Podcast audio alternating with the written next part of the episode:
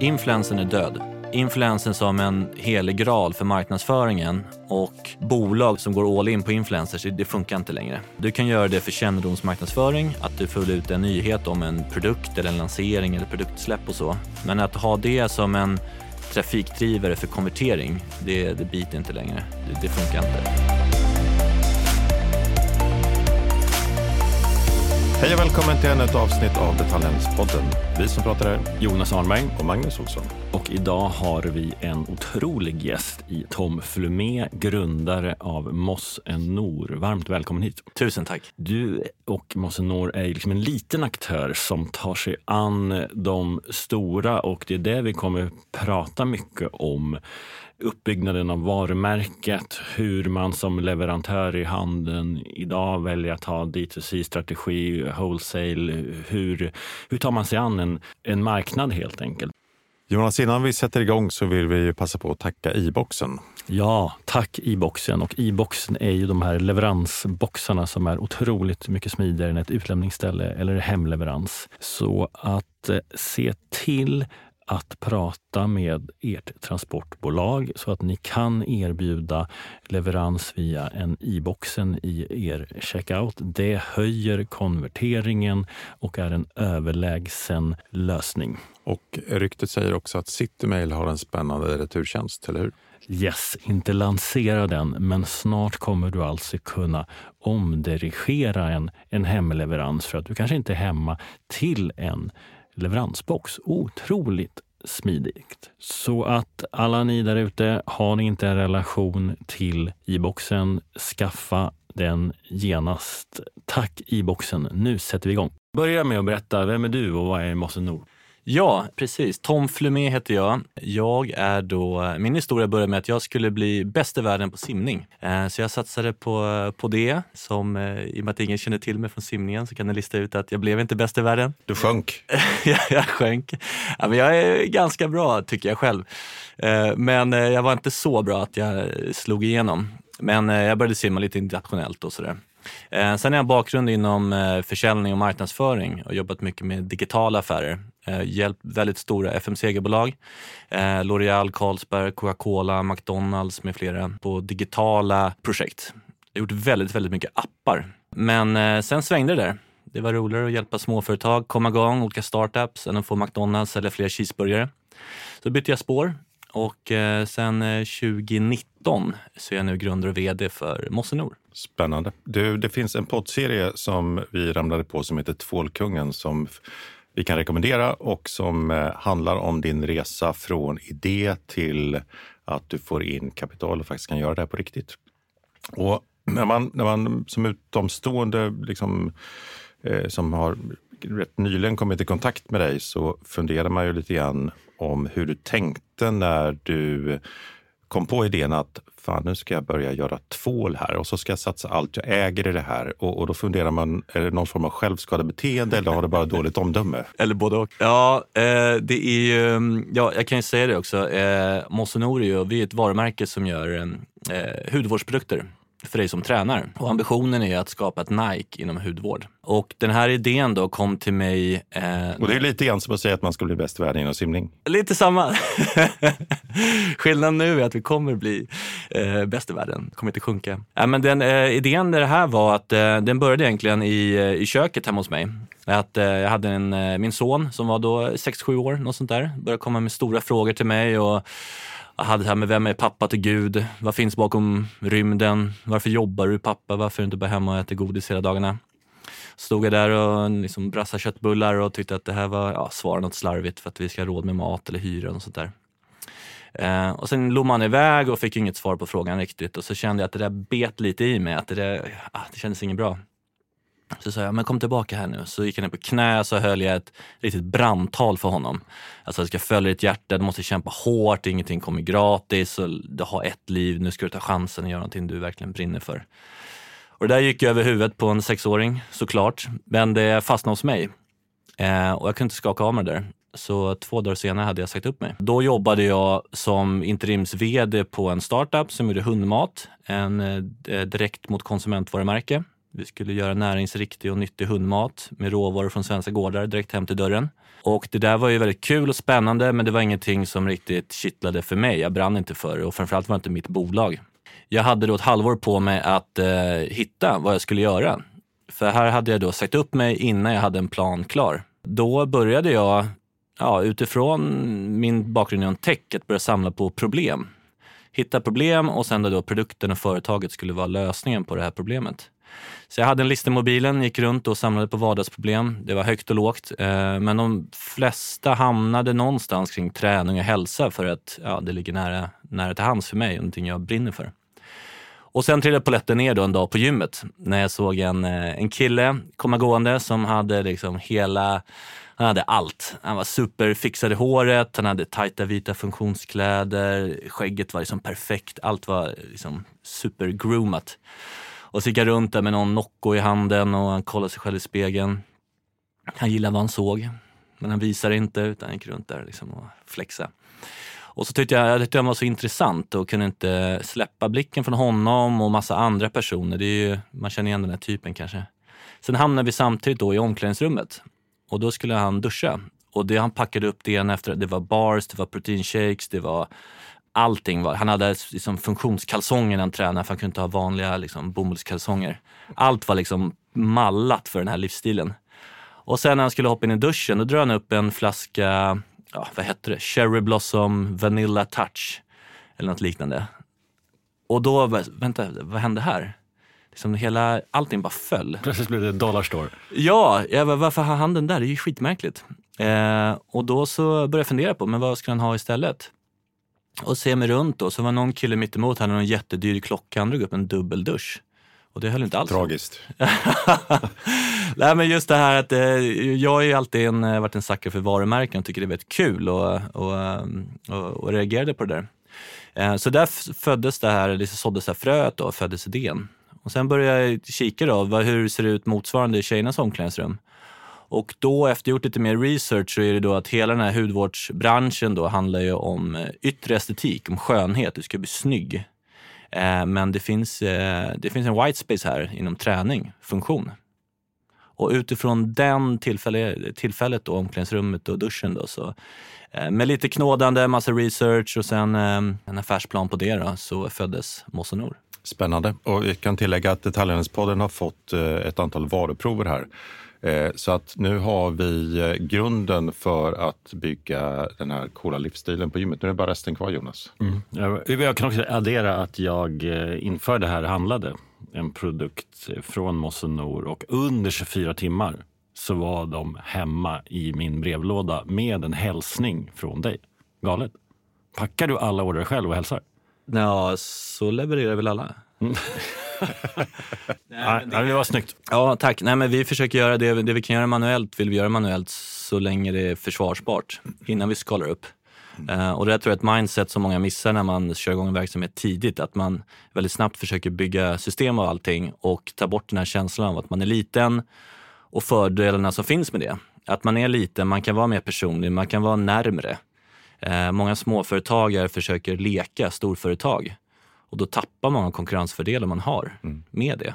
Men från den här luckan då som du såg på gymmet till att eh, bygga ett, ett, sortiment och det är produkter som är nära huden, allergi eh, etc. Det finns en hel del regler och eh, saker och ting som kan, kan gå fel också när man gör sådana här saker. Hur kommer man igång? Jag hade ingen aning. Alltså jag kom ju från, eh, från, tech, från tech liksom digitalt och innan det jobbade jag med hundmat. Så jag dök in där med huvudet först och hade, såg en affärsmöjlighet eh, och tog reda på hur branschen är strukturerad, vilka tjänar pengar, vilka olika, eh, vilka olika aktörer finns det. Det jag visste var att jag ville ta med mig lite lärdomar från mitt digitala bakgrund, fick jobba ganska snabbt och jobba i versioner. Ungefär som man gör en app så släpper man 1.0 och sen 1.1 och så vidare. Eh, den här branschen traditionellt har ju varit att man då under två års tid så utvecklar man de här fantastiska produkterna som är superhemligt och det är liksom vetenskap som går in i det. Och sen har man en jättestor lansering, pang så finns man överallt och sen kommer alla älska en för alltid. Och sen så bara är det en kassako och så bara liksom räknar man in pengarna. Det tror inte jag på. Utan jag tror att man kan göra på ett annat sätt. Och då så, så min första idé, nu har vi flera produkter här på bordet. Vi har bland annat showergel, torrschampo, deodorant och lite annat. Men min första idé var att ha en showergel, alltså en tvål i en doft i en storlek. Som skulle säljas över hela världen. Världens bästa tvål. Det var min första idé det var min liksom 1.0. Och eh, ja, nu sitter vi här med fler produkter så att den, den flög ju inte. Men eh, det var så vi började. Eh, och jag ville ha Sverige för att det skulle gå snabbt. Eh, jag tänker att det är enklare att prata med någon som man kan åka och besöka än att det ska vara någonstans på andra sidan jordklotet. Eh, så jag tog reda på vilka producenter det finns i Sverige. Jag hittade 14 stycken. Jag var i kontakt med, jag började förhandla kanske med fem, sju stycken och sen så gick det så långt att vi kom ner till pris, ner på tre. Och sen så valde vi en då, som vi producerar med. Då. Men bara ambitionen att göra världens bästa tvål och att det ska gå snabbt och alltihop. Ja. Eh, du har inte tänkt på att du kan missa någonting däremellan? Eh, som vad då? Tänkte Nej, ja, alltså, nej, men jag, jag, hur, hur, jag är imponerad över tillvägagångssättet och liksom din tanke om versioner och, mm. och det ena med det andra.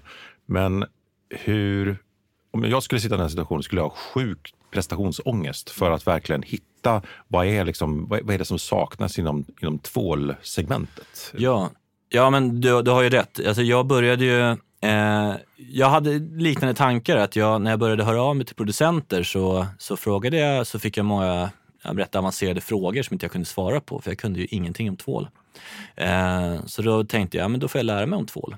Så då började jag göra egen tvål i köket hemma och eh, labbade fram det där. Eh, och ganska snabbt då så insåg jag att det här är ju, ja men vad håller jag på med, det är idioti. men samtidigt så var det en ganska bra eh, lärdom för jag insåg att tvål är tvål. Det är liksom egentligen det är fyra ingredienser man bygger det på. Och värdet med olika tvålvarumärken är ju inte själva produkten, själva innehållet då i tvålen. Utan det är ju vad jag adderar till det och vilket varumärke och kommunikation och försäljning du adderar ovanpå det. Men tvål, ren tvål är ju ren tvål. Så det vi gjorde då att vi, när vi utvecklade vidare vår första tvål, då utgick vi från, från flytande tvål. Och sen adderade, sen började vi fundera på vilka problem vill vi lösa och eh, då gör vi just eftersvettningar och blossig hy efter träning är väldigt vanligt för att folk tränar på morgonen eller på lunchen nu för tiden och så drar man på sig kläderna och så springer man tillbaka till kontoret. Då ser man röd som en tomat och svettas på nästa möte. Eh, så det var problemet vi ville lösa. Så då när vi besökte då producenten sa vi vi vill ha en showergel, en bas showergel som liksom gör jobbet. Och sen ovanpå det vill vi ha hjälp av er för att lösa det här problemet med eftersvettningar och blossig hy. Vad kan vi göra? Och det var ganska nytt för producenter för de har oftast fått att det kommer en färdig formulering eller att exakt så här vill vi att det ska vara. Eller det här är konkurrentens produkt. Lägg det nära, men inte för nära. Men väldigt, väldigt, väldigt gärna supernära. Och så har vi en annan doft på det. Så det är väldigt mycket copycats i branschen. Eh, så de tyckte det var ganska kul också att få en annat, ett annat sätt att arbeta på. Mötte du många så här sanningar och så från branschen? Jag tänker på typ Revolution Race som ja. där alla sa åt dem att ska ni sälja fritidsbyxor så är det svarta eller gröna byxor som gäller. Det är det som kunden vill ha. Ja. Eh, och, och så frågade de kunden och de ville ha gula och rosa och så vidare. Ja, och, eh, ja, och frågar du branschen här så säger folk att ja, men du gör produkter om träning. Det är, det är för män då. Då säger man ja, men nej, det är unisex. Det finns kvinnor som tränar också. Tror det eller ej. Eh, och det är även från handeln. Eh, så det är en väldigt, väldigt vanlig eh, fördom eller missuppfattning. Att, att vi kommunicerar att det är för träning så tror de, ah just det, det här är ju det här är för män. Ehm, men tillbaka till det som producenten där, att ja, vi sprang på det hela tiden. Att sanningen som finns i branschen är att det tar två år att utveckla en produkt. Eh, och att du gör först A, sen B, sen C, sen D. Det är olika flöden och processer. Du ska... Och sen får du ett fönster på ICA. Den här veckan ska du släppa loss det. Liksom. Ja, exakt. Eh, och då tänkte jag, men om vi gör, istället för att göra de här processerna en efter en, som ett vattenfall, vad händer om vi gör alla samtidigt? Så istället för att projekt tar två år så tar det fyra till sex månader. Och då var det vissa producenter då som tyckte att det var hål i huvudet för att och stannar vi på ett av de här så måste vi börja om. Och då är ju de andra då vaskade, de andra processerna. Uh, och men då mitt moderargument var så men det gör vi ju ändå. Om vi kör vattenfall så kommer vi ändå behöva backa. Men uh, kan vi få tre försök på oss här och göra alla samtidigt så kommer vi spara in tid. Uh, och nu så gjorde vi på, på två, två iterationer. Då, så att vi tog fram produkter här på, vad var det, sju, åtta månader som på pappret då ska ta två år. Och där var det just att hitta en producent som tyckte att det var kul och spännande och kittlande sätt att jobba på. Och där var det flera också producenter som, ja men det kan jag vara öppen med, de tackade nej till, till oss också. Och tyckte att, nej men så här jobbar inte vi. Det, det här är mallen, så här jobbar vi. Här är start, här är stopp, här har du spelbrädet. Vi ska gå den här banan liksom. Du får rulla en tärning. Ibland går det snabbt, ibland har vi mycket att göra. Men så här är det. Mejlar du dem nu och säger? ja, nej, men det finns eh, många vägar upp, upp för berget. Tom, det här låter ju som en kanonidé. Eh, men sen inbillar jag mig att det finns lite trösklar som typ att det kostar att dra igång och det är minimivolymer och så vidare. Hur eh, har du löst det med själva startkapitalet? Ja, det var ju också en, eh, det är den största tröskeln i den här branschen och det är därför jag tror att det kommer så få uppstickare ändå. Att det ändå är några stora konglomerat som dominerar den här marknaden totalt. Eh, den är ju framtung. Du måste ju först producera innan du säljer. Eh, så det kräver ju mycket kapital och ju större batcher desto bättre pris får du och så vidare. Ja, för min del så var det, jag hade ju då en eh, lite sparkapital. Det var några hundratusen, 240 000 för att vara exakt. Sen så gick jag till Almi och eh, presenterade den här idén. De tyckte att den eh, lät eh, kul och galen och trodde på det också. Vilket var just för att jag fått med producenten eh, som producerar åt ICA, åt H&M och åt apotekskedjorna. Eh, med det kunde jag sen gå till banken och presentera att jag är både en av de största producenterna i ryggen, jag har Almi i ryggen, nu vill jag även låna pengar av er. Så tillsammans då fick jag låna 200 000 av Almi, 200 000 av banken och så hade jag ja, ungefär 200 000. Så startkapitalet var 600 000 som vi startade med. Då skulle vi ta fram, en, eh, ta fram och lägga en första batch vi skulle göra hela varumärket, jobba ut all förpackningsdesign. Ja, allt skulle vara klart för att lansera en produkt. Eh, så det var en... Eh, det gick, men det var också jäkligt tajt. Det här måste man ju, om man vill höra mer om det här måste man ju lyssna på Tvålkungen som ju är eh, Ja, men jag är stor ljudboksfan också och jag bingeade de här åtta avsnitten eh, för att det är ju sjukt spännande. Så. Ja, och eh, ja, det, det, precis. Tvålkungen följer hela det första året då. Från idé i att dyka huvudet före i en bransch du inte kan något, någonting om, med för lite pengar och kanske lite för stora drömmar och eh, hur du trasslar dig fram igenom det. Men, men bara för att sätta någon, lite perspektiv, hur mycket, liksom, hur, hur stora batcher måste man göra för att överhuvudtaget komma igång? Alltså första batchen gick på 340 000 och så det moms på det och vi hade en kassa på 600 000 så att det var ju, det sa ju bara slurp. Och hur många tvålar får man då? Då är det lite utvecklingskostnader med i det också. Ja, exakt. Eh, ja, hur många tvålar fick vi? Vi fick väl eh, ja, strax under 10 000 och sånt där. Eh, mm. så, att, eh, ja. så 30 spänn Ja, det, det låg de på i utveckling. Då. Nu ligger kanske en tvål på runt 10-15 kronor skulle jag säga, mm. Eh, inköp. Men, men det funkar ju då om du kör D2C från dig själv. Men när du mm. liksom går till Axfood och de säger ja men vi vill ha 100 i varje butik. Ja. Då blir det plötsligt jobbigt. Ja, det blir det ju. Och det här är ju en... Eller också så är det det man vill. Ja, ja. förlåt. Självklart. Jag men, men, jag menar, men, men det finns liksom en barriär där i att å ena sidan möjliggör digitaliseringen att alla kan starta en hemsida och, starta. Men, men, men eh, när du ska, liksom, ska skala upp så blir det plötsligt eh, eh kan det vara tufft att liksom, om retailen kräver att en total liksom, representation i alla butiker.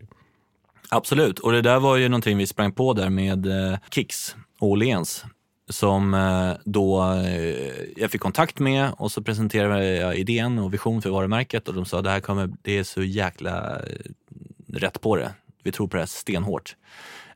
De la en stor beställning och när den landade då, så jag tror vi kunde leverera till 30-32 procent av allt de beställde. Just för att vi inte hade, vi hade inte större lager och inte kapacitet att producera mer för att vi hade för lite pengar. Och de ville inte förskottsbetala, vi betalade på 60 dagar och det Ja, så det, det hamnade riktigt, riktigt squeezad.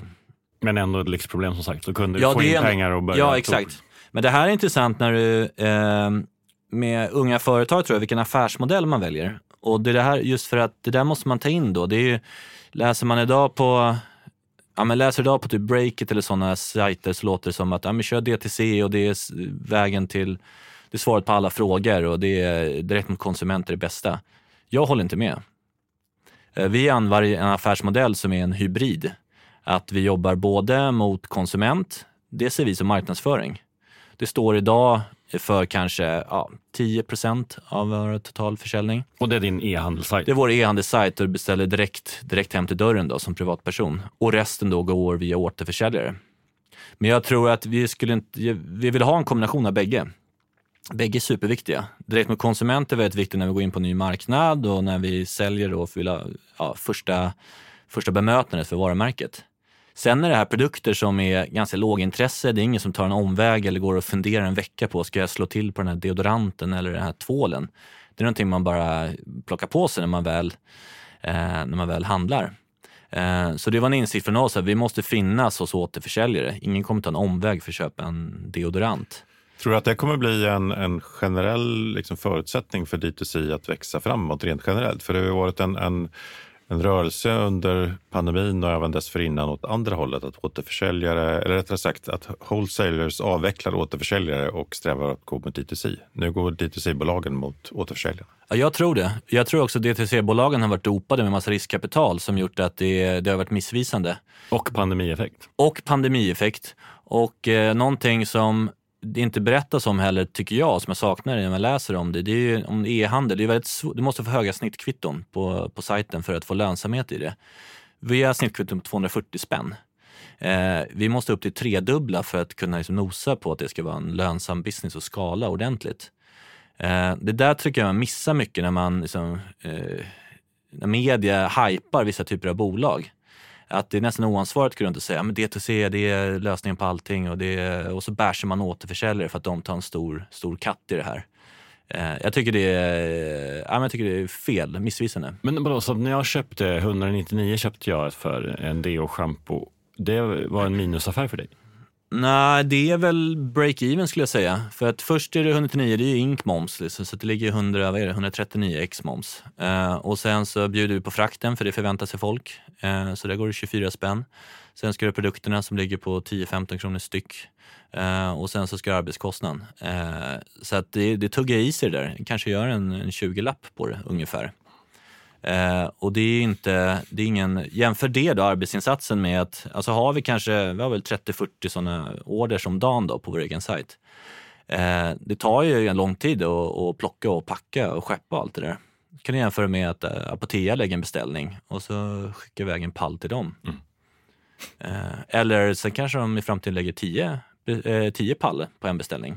Det är lika mycket jobb för oss. Skickar vi iväg dem. Hur ser du, du på utmaningen att eh, driva trafik online idag? Eh, har det hänt någonting sedan du startade? För du har varit igång i ett par år nu. Eh, ser du en, en, en förändring i kostnaden att driva trafik och få en ny kund?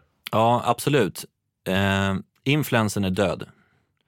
Eh, på så sätt att eh, influensen som en helig graal för marknadsföringen och bolag som bygger, som går all in på influencers, det funkar inte längre. Eh, du kan göra det för kännedomsmarknadsföring, att du får ut en nyhet om en produkt eller en lansering eller produktsläpp och så. Men att ha det som en trafikdrivare för konvertering, det, det biter inte längre. Det, det funkar inte. Men, men, varför? Alltså, om du skulle köpa Zlatan för, han gör ett inlägg på Mosse Nor för 300 000 tar han för det. Mm. Och så får du en väldig massa nya affärer. Ja. Är inte det bra? Jo, men det skulle ju inte, jag tror inte det skulle få, ja för det första så eh, har ju Zlatan egna produkter som har lanserat under eget namn och som nu är nedlagt efter vad är det, två år. Eh, så att det är ett exempel på att det inte funkar bara att sätta någon eh, gammal eh, idrottsman eh, på generiska produkter som luktar omklädningsrum och så eh, tror man att det ska flyga. Det trodde, man, det trodde Zlatan såklart, för att varför inte? Det finns en massa andra idrottsprofiler som har gjort det här. Eh, men konsumenten är smartare då, man går inte på det där. Det intressanta var att handeln gick lite på det där. För jag vet att många av de stora apotekskedjorna och retailkedjor gick ju all in och tänkte att nu kommer Zlatan med sina egna produkter. Wow, det här kommer flyga. Men det man missade var att eh, ja, man har överskattat effekten av det och sen själva produkten, innehållet var ju liksom, det var inget bra.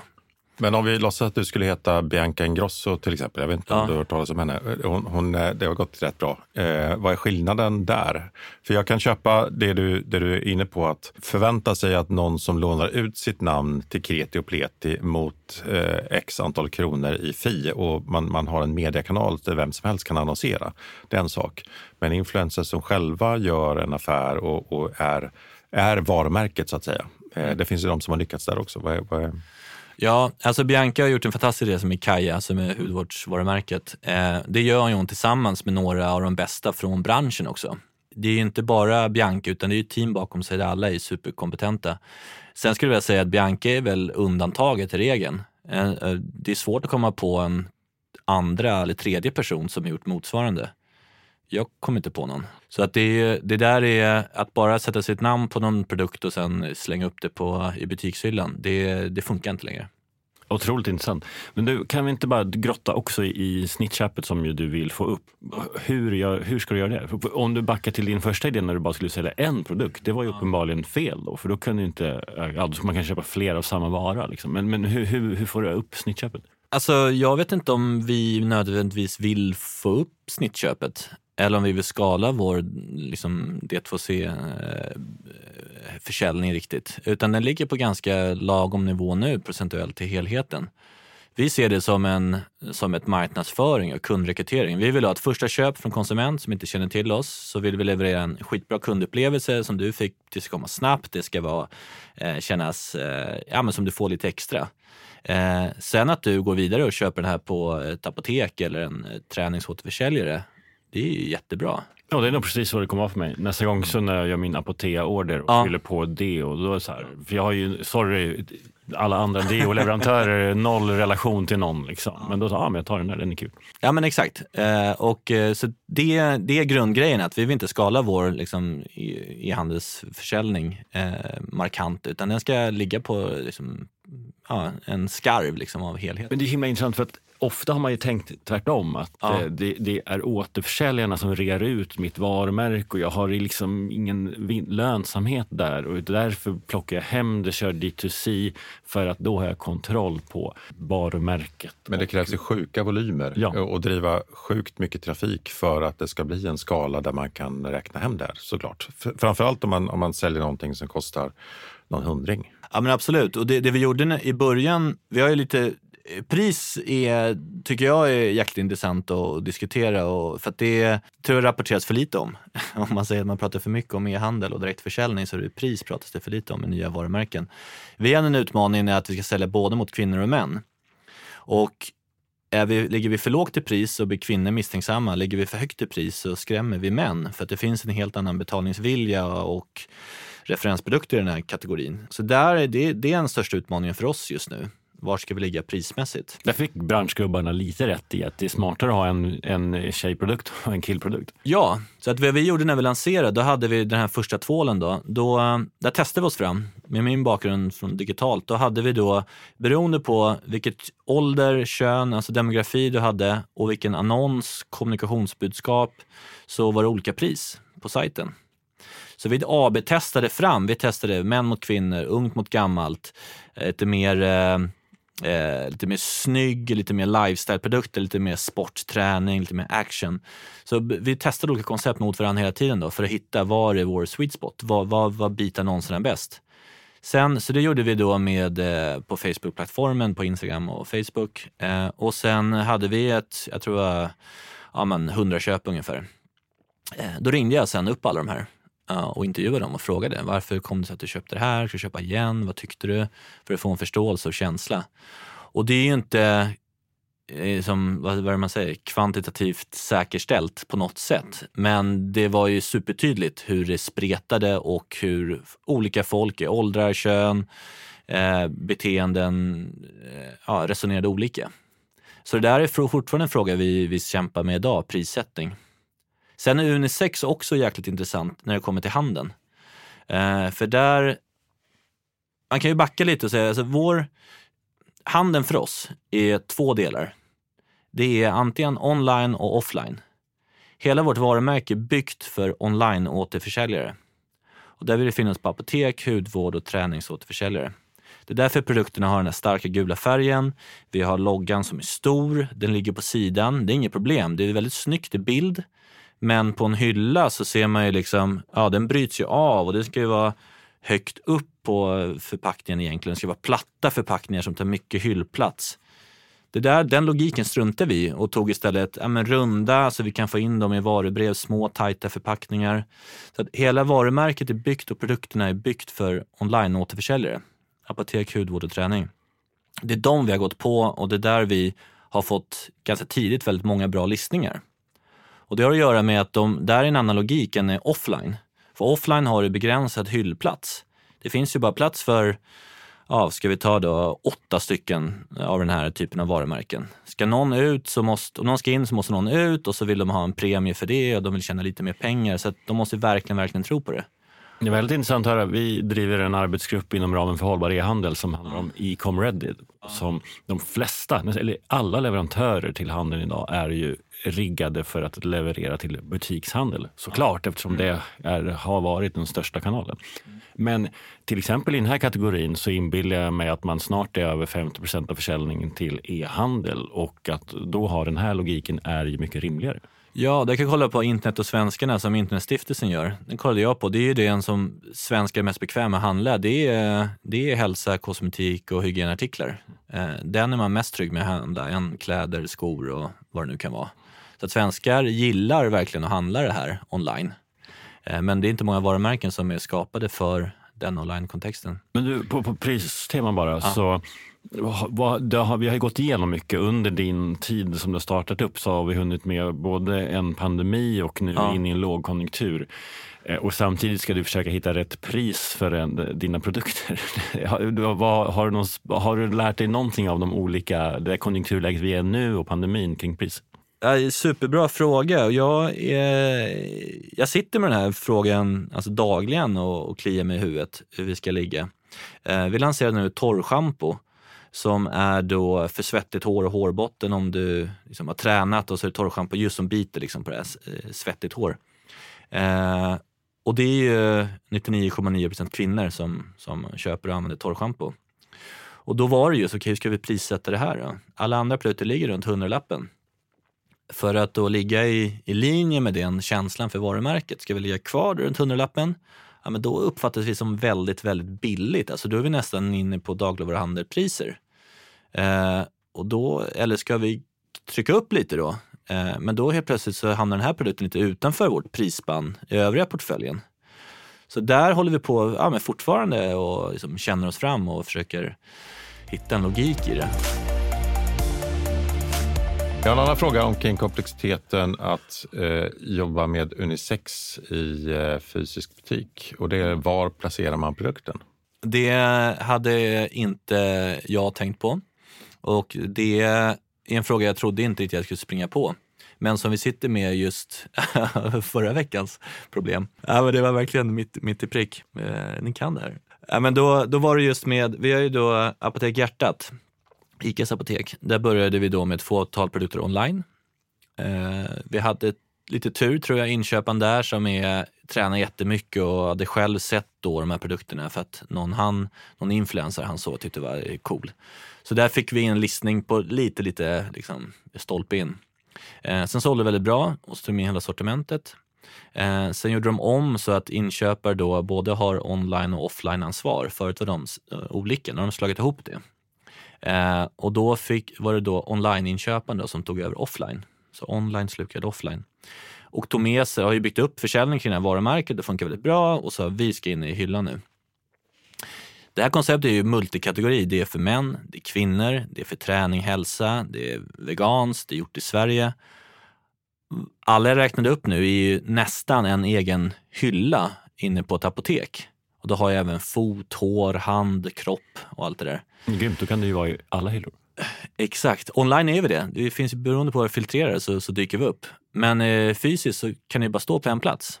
Det är eh, ett, ett problem för att eh, här hamnar vi då i det här gamla offline retail-tänket. Att vart ska de beställa de här?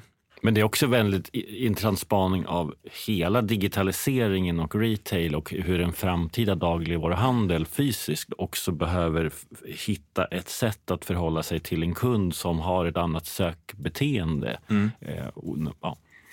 Ja, verkligen. Och vad man, ben, vad man liksom eh, benchmarkar det här mot. För att kollar man det mot andra varumärken inom herr till exempel, så alltså då, då sopar vi banan med dem försäljningsmässigt. Jämför mot andra då inom kropp, som då är då för kvinnor, fast det, då står det bara kropp. Eh, så ligger vi, ja men vi är inte störst, absolut inte, men vi är liksom, vi är, vår deodorant då kanske är liksom topp, vad är den på hjärtat? Topp 15, topp 20 mest sålda. Och då har vi ändå liksom Nivea och Dove, de här jätte, jätte, jättevarumärkena. Så då blir det, ja men vart ska vi, vart ska vi placera den här? Då, nu senast så hamnar vi i 30 butiker på hjärtat på man. Då är det då showergel, deodorant och torrschampo. Och då sa jag det, men det känns, ja okej okay, jag litar på er, ni säger att den kommer sälja bäst där i butik. Då, då kör vi på det.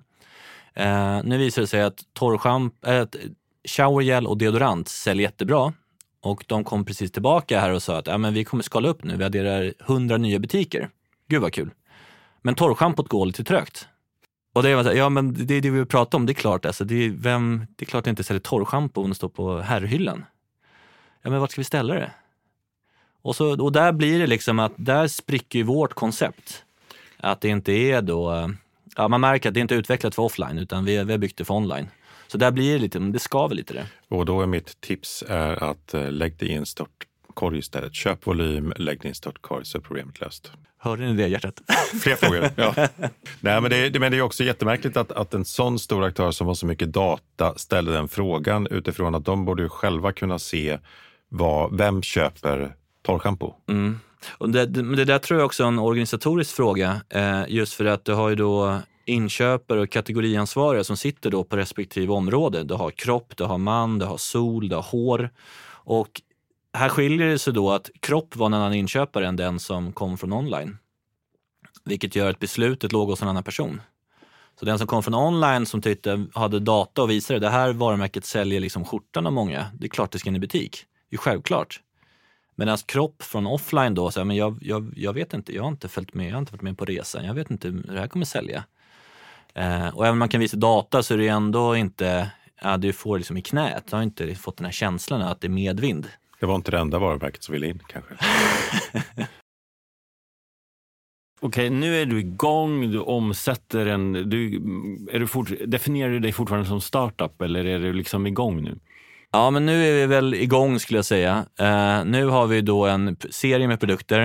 Uh, vi har nu 30 artikelrader, för det finns olika, det är sex produkter fördelat på olika storlekar, doftar, singelpack, trepack och så vidare. Eh, och nu har vi en, en serie after workout som är, som är bra och den ska vi skala. Så att rent, ja nu är vi kanske, nu går vi in i scale-up då om man ska verkligen vara sådär. Och den här resan du varit med om, vad, och om du tittar framåt, det är alltid härligt. Vi har ju lärt oss jättemycket idag och det är alltid härligt när det kommer en ny utifrån. Va, vad tycker du om branschen? Och du har också åkt på, liksom, en sån som L'Oreal, Nivea som du nämner, blir inte ja. de lite så här, oh, gubbar är det dags att fixa en sån här fräsch grej och slå ut de här mosonorarna och säga till Axfood att, eller hjärtat då, du den här uh, deon jag satt på den här hyllan, om, om vi ska vara kvar så, så kan ni väl peta ner den lite? Ja, det, det där har vi börjat krypa sig på eh, i olika, på olika sätt. Eh, att både att eh, konkurrenter, eller vad man ska säga, andra i branschen börjar intressera sig för det mycket mer. Eh, men de skulle jag nästan säga är nog sist på bollen. Eh, det intressanta med det, det jag lärt mig mest om branschen när jag kom in är att det, det som avgör de bästa återförsäljningarna är de som är snabbast och har bäst typ av beslutsfattande kultur, om man kan kalla det för det. Eh, stjärnan i den här branschen, apotek, det är ju, apoteksbranschen är ju Apotea. Det, det är väl alla, kan väl alla liksom skriva under på. Från att jag mejlade in ett kallt, ett första, bara hej, jag heter Tom, det här är mitt varumärke, till att produkterna var live på deras sajt så var det tio dagar. Tror. Och det är, alltså det är så snabbt så att det är helt sjukt. Eh, och då har de ändå liksom svarat på det här, det har landat hos rätt person, all artikeldata, förhandlat om pris och ändå levererat in och sen är det uppe på sajten. Det tog tio dagar. Och så kan ni jämföra då med eh, nu här i mars så kommer vi lansera det på statliga apoteket, Apoteket AB. Och det har ju då, ja det dragit drygt två år. Mm. Men då har någon kontrollerat varenda kemikalie och så i det, eller? Det är samma, det är Läkemedelsverket som kontrollerar de här och vi har då säkerhetsdatablad som det kallas där vi då, det som branschen har, producenten i den här branschen har ett ansvar för att sätta produkter till världen och jag har ett försäljning och marknadsföringsansvar. Mm. Så de kan inte skylla på en sån process? Nej, utan det, nej, utan det, det, det är samma krav om du säljer på Apotea eller på Apoteket AB. Det är olika helt enkelt kan man säga. Ehm, och, eh, och, det, och, det, är också en del av, av trösklarna i tillväxtmöjligheterna. Liksom, Eh, och då tänker jag, om vi tittar framåt lite grann, för att om, om du ska skala det här så behöver du omsätta mycket, mycket mer än vad du gör idag. Mm. Eh, och då måste det finnas en massa olika vägar framåt. En eh, som då och då dyker upp är ju abonnemangstjänsten. Eh, mm. eh, för att man kan ju tänka sig att den här coola killen på gymmet som du mm. började historien med, han har en, eh, en, en del i sin livsstil att träna eh, fyra gånger i veckan eh, och har därmed en frekvens på sina inköp som mm. troligen är någorlunda förutsägbar. Mm. Har du funderat på, på abonnemangstjänsten? Ja, eh, jag funderar på det och jag har fått väldigt många som säger att abonnemang, det här är perfekt för abonnemang. Jag tror inte på abonnemang för fysiska produkter. Du tror inte på abonnemang, du tror inte på influencers. Är, är du eh, liksom en del av framtiden? Nej, men jag tror att eh, abonnemang just på fysiska varor, eh, kollar man historiskt i Sverige, det enda som har slagit är dagstidningar. Jag vet ingen annan fysisk vara som folk, gemene man, prenumererar på. Jag håller med. Man vill känna en viss frihet i mitt nästa ja, köp. Digitalt, absolut. Ja, men till och med har... dammsugarpåsar, som varje gång jag köper det från dammsugarpåsar.se, som är, de är grymma, ja. så får man ju också möjligheten att prenumerera. Och jag har ju samma, jag har haft samma dammsugare länge, men ändå orkar jag inte göra det. Och jag testade ett kosttillskott, vilket innebar att efter två leveranser så stod det där, liksom, började växa i skåpet. Mm. Eh, och då blev det jättetråkigt och då insåg jag att jag är ju torsk Mm, ja. ja. Du har det på Apotea också om du klickar in. Eh, många missar det, men du kan köpa en gång och så kan du välja att köpa återkommande eller vad det heter. Så kan du sätta in då frekvens att leverera det här en gång i månaden till mig. Mm. Men det, ja. Så funktionen finns egentligen redan? Funktionen finns där ute och det är ju, i teorin är det ju perfekt. Jo, men också så här, min köpupplevelse i veckan var ju att det tog mindre än 24 timmar för att få hem grejerna. Alltså, det är inget jättejobb att gå in och klicka på det utan att prenumerera. Nej, Ja, men jag tror just prenumerationstjänsten tror jag är svår. Sen är det olika köpbeteenden, men just det, jag tror det är svårt i Sverige. Liksom. Det, det är dagstidningar som, det är det enda jag vet, som, som har flugit. Tom, du ska skapa skönhetsvärldens eh, Nike. Eh, hur går det och vad är nästa steg? Ja, men det, går, eh, det går som tåget i väldigt liten skala. Och vi ska göra då... Ett litet tåg, det är ett, ett eh, Märklin-tåg än så länge. Brio-tåg. Nej men jag tror så här, just, eh, och det är viktigt, det är, nu sa du skönhetsvarumärke och det är någonting som... Ja, vad identifierar du det som? Ja, hudvård. Och hudvård är nästan synonymt med skönhet. Och det är det vi kommer in här och vill ändra på. Eh, och det här har ju hänt i konsumentkategori efter konsumentkategori. Om du kör träningskläder till exempel. Nu har du ju liksom, du har sneakers till eh, funktionsplagg, till klockor. Du har ju liksom en helt du byter ju om när du tränar. Det är ingen som är ute och joggar i liksom ett par, en bomulls-t-shirt. Då är det nästan så här, vad fan vad är det för freak? Mm. Utan folk byter ju verkligen om.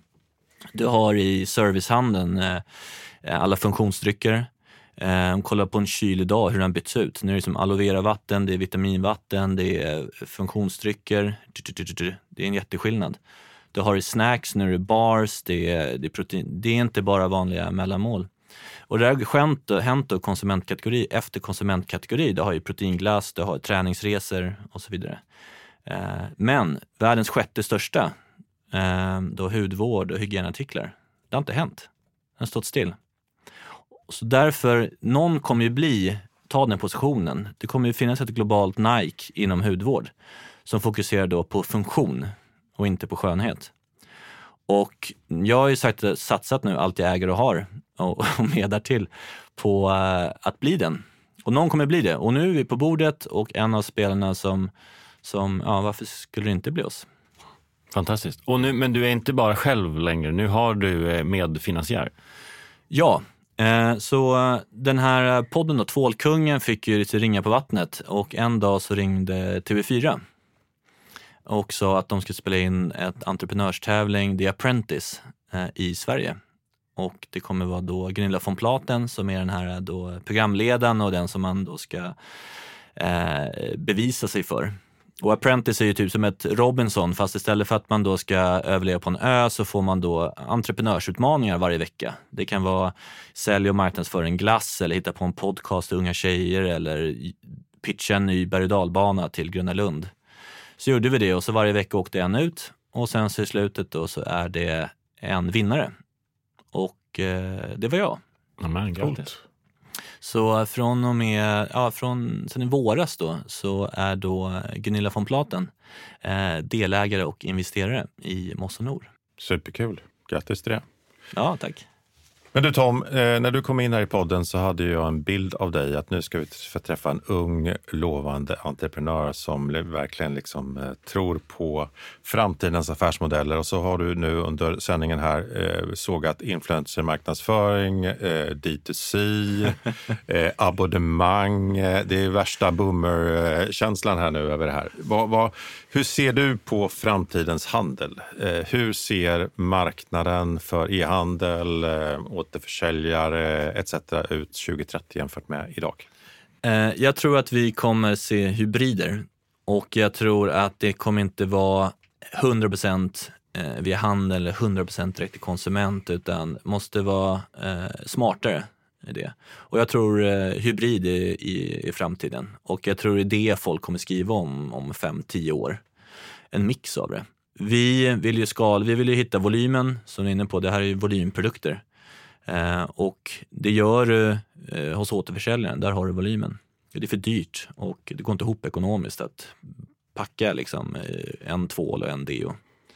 Eh, så att, ja, det är väl ute i handen där. Mm. Och, och vad tror du kapitalet kommer gå någonstans? För att det har ju varit också olika generationer av eh, vågor av pengar som har östs över olika affärsmodeller. Och, och mm. D2C har varit en sån, e-handel generellt har varit eh, hett eh, under eh, väldigt lång tid. Abonnemangstjänster inte minst, där man bara kastat på pengar. Eh, och i den här världen så kommer det ju vara kanske svårare att definiera vad är, vad är det heta, liksom, vad är mittfåran mm. i mm. tillväxten. Och jag brukar säga att, att skit i kanal, eh, vad är de kanalerna där? Vad är så många kanaler som möjligt? Eh, mm. Och så får man se var människor vill handla, vara tillgänglig. Ja. Vad tror du att kapitalet kommer gå? Jag har ingen aning om vart kapitalet kommer gå. Eh, jag vet vad vi kommer gå och vi kommer gå eh, lite som du säger, anpassa oss till marknad och vara lite eh, hybridvarianten. I Sverige har vi en destinations eh. Att jag går och köper mina apoteks produkter på apoteksåterförsäljare, mina träningsprodukter hos träningsåterförsäljare och så vidare. och så vidare. Södra Europa så har du mycket marketplaces som är väldigt stort med Zalando, med Amazon och, och andra. Eh, så att vi kommer nog anpassa oss beroende på marknaden. Vad varumärken, eh, om man ska uttala mig för varumärken så tror jag att du eh, behöver tänka till lite på affärsmodellen och hitta den här eh, mellanvarianten. Jag tror stenhårt på att varumärken kan du behöver inte distributörer i samma utsträckning. Vi blir uppvaktade av distributörer från ja, kors och tvärs. Det är ju ibland liksom verkligen lyckosökare och ibland är det väldigt stora etablerade, superproffsiga. Eh, jag fick senast där i, ja, i veckan var det en som sa, ja, men vi vill ta över all distribution i Norden och leverera åt er. Och så, men vi, vi har ju full distribution i Sverige nu nu bearbetar vi Norge och Danmark. Varför ska vi en distributör till? Ja, men vi säkerställer att allting blir levererat. Ja, men varför då? Vi har ju den här marknaden. Så jag tror att distributörer kommer behöva, jag tror den affären kommer ifrågasättas mer och mer och kompetensen kommer vara mer och mer hos, hos varumärkesägarna. Vi vill ju sälja nu, nu har vi en, eh, Portugals största apotekskedja Wells med 600 butiker, eh, har nu köpt in våra produkter. Vi levererar direkt till dem. Vi behöver inte en portugisisk distributör som ska sitta på lager och sen skeppa produkten utan de kan beställa från oss varför ska det gå med en mellanhand som tar halva, halva intjäningen? Så det tror jag är en spaning för framtiden, att distributörer, ja, upp på tårna och ska ni verkligen vara kvar så måste ni leverera ett jäkla värde. Återförsäljarna butiksnätet och e-handeln och hela liksom, sitter på trafiken, den är jätte, jättevärdefull för där har alla eh, kontaktytor mot konsumenter. Men jag tror varumärkesägarna liksom upp på tårna och utmanar distributörer. Och, så att hade jag varit en bransch jag inte hade satsat mina pengar på framöver så hade det varit distributörsbranschen. Hur ska man marknadsföra ett varumärke framåt för att eh, nå så många människor man behöver för att få den tillväxten man vill ha? Eh, jag tror att man ska satsa på eh, problem. Det gör vi. Eh, riktiga, riktiga problem som folk upplever i vardagen. Vi är väldigt online-fokuserade och om du eftersvettas eller får blossig hy, då kanske inte du vill stanna framför en billboard och stå och läsa detaljer eller stå på problemhudshyllan i en butik. Men online så är det väldigt tacksam att surfa in på det och googla och det är där du läser på om det. Eh, så det kommer vi samla på oss. Vi kommer samla på oss på problem och skapa produkter som löser de problemen. Men det blir en långsammare tillväxt än om du hade gått på Zlatan och gänget för att köpa dig liksom, med uppmärksamheten? Absolut, eh, men eh, vi är kvar och Zlatan är inte kvar. Hur långt har ni kommit om fem år?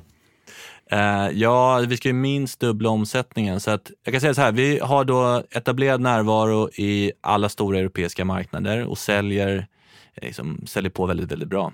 Det viktigaste för oss är att vi är lönsamma och det är vi nu och uh, vi ska fortsätta vara det. Det här är inte något varumärke som ska pumpas upp med massa pengar och sen så ska vi hoppas att det är lönsamt när vi ställer om. Dumpa på börsen. Ja, mm. pump and dump. Nej, utan det här ska vi vill växa långsamt och lönsamt. Det här är ett företag som ska gå arv till mina barn. Det är ingenting som ska säljas om några år.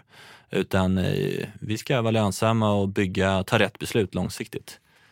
Och där får man ju säga att där skiljer du också ut dig från väldigt många andra som har eh, byggt bolag. Till exempel, ska vi inte nämna några namn, men till exempel Revolution Race där ägarna när man har då lagt det på börsen, sticker med kosingen och så säger man lycka till. Ja, och det, alla får ju göra precis som de vill, men eh, jag, eh, jag tror eh, eh, ja, det här är byggt för, för generationer. Eh, så får vi se om, om min, eh, mina söner kommer ha lika stort intresse för eh, tvål som jag har. Det är inte självklart. Vi får se om han har köpt din ditt brandtal där nu då. Ja, exakt. och det blir spännande att se vilka problem du ska lösa när alla har slutat eftersvettas också. Ja, exakt. Då är min marknad död. Du, det har jag inte tänkt på. Tom Flumé, vd och grundare av Mossonor. Eh, otroligt stort tack att du var med. Det har ju varit det är väldigt friskt med när det kommer någon ny och har nya perspektiv. Väldigt... Eller gamla perspektiv. Ja, men också lärorikt. För ofta har man med en sorry corporate vd så får man inte höra liksom det, det, det spännande. Nej, riktigt bra. Tack så jättemycket att du var här. Ja, tack själv. Det är superkul. Bra frågor. Och tack alla ni som lyssnade. Tack ska ni ha. Vi hörs snart igen. Gå in och shoppa på Moss och... Vad är det för mejl? Mossnor.se. Mossnor.se, ja, kan googla. Det finns, eh, eller så köper du på Apotea eller var du handlar. Enklast själv, det bestämmer du. Eller fortsätta eftersvettas. Och lyssna på Tvålkungen också. Ha det fantastiskt, vi hörs. Hej då! Hej då!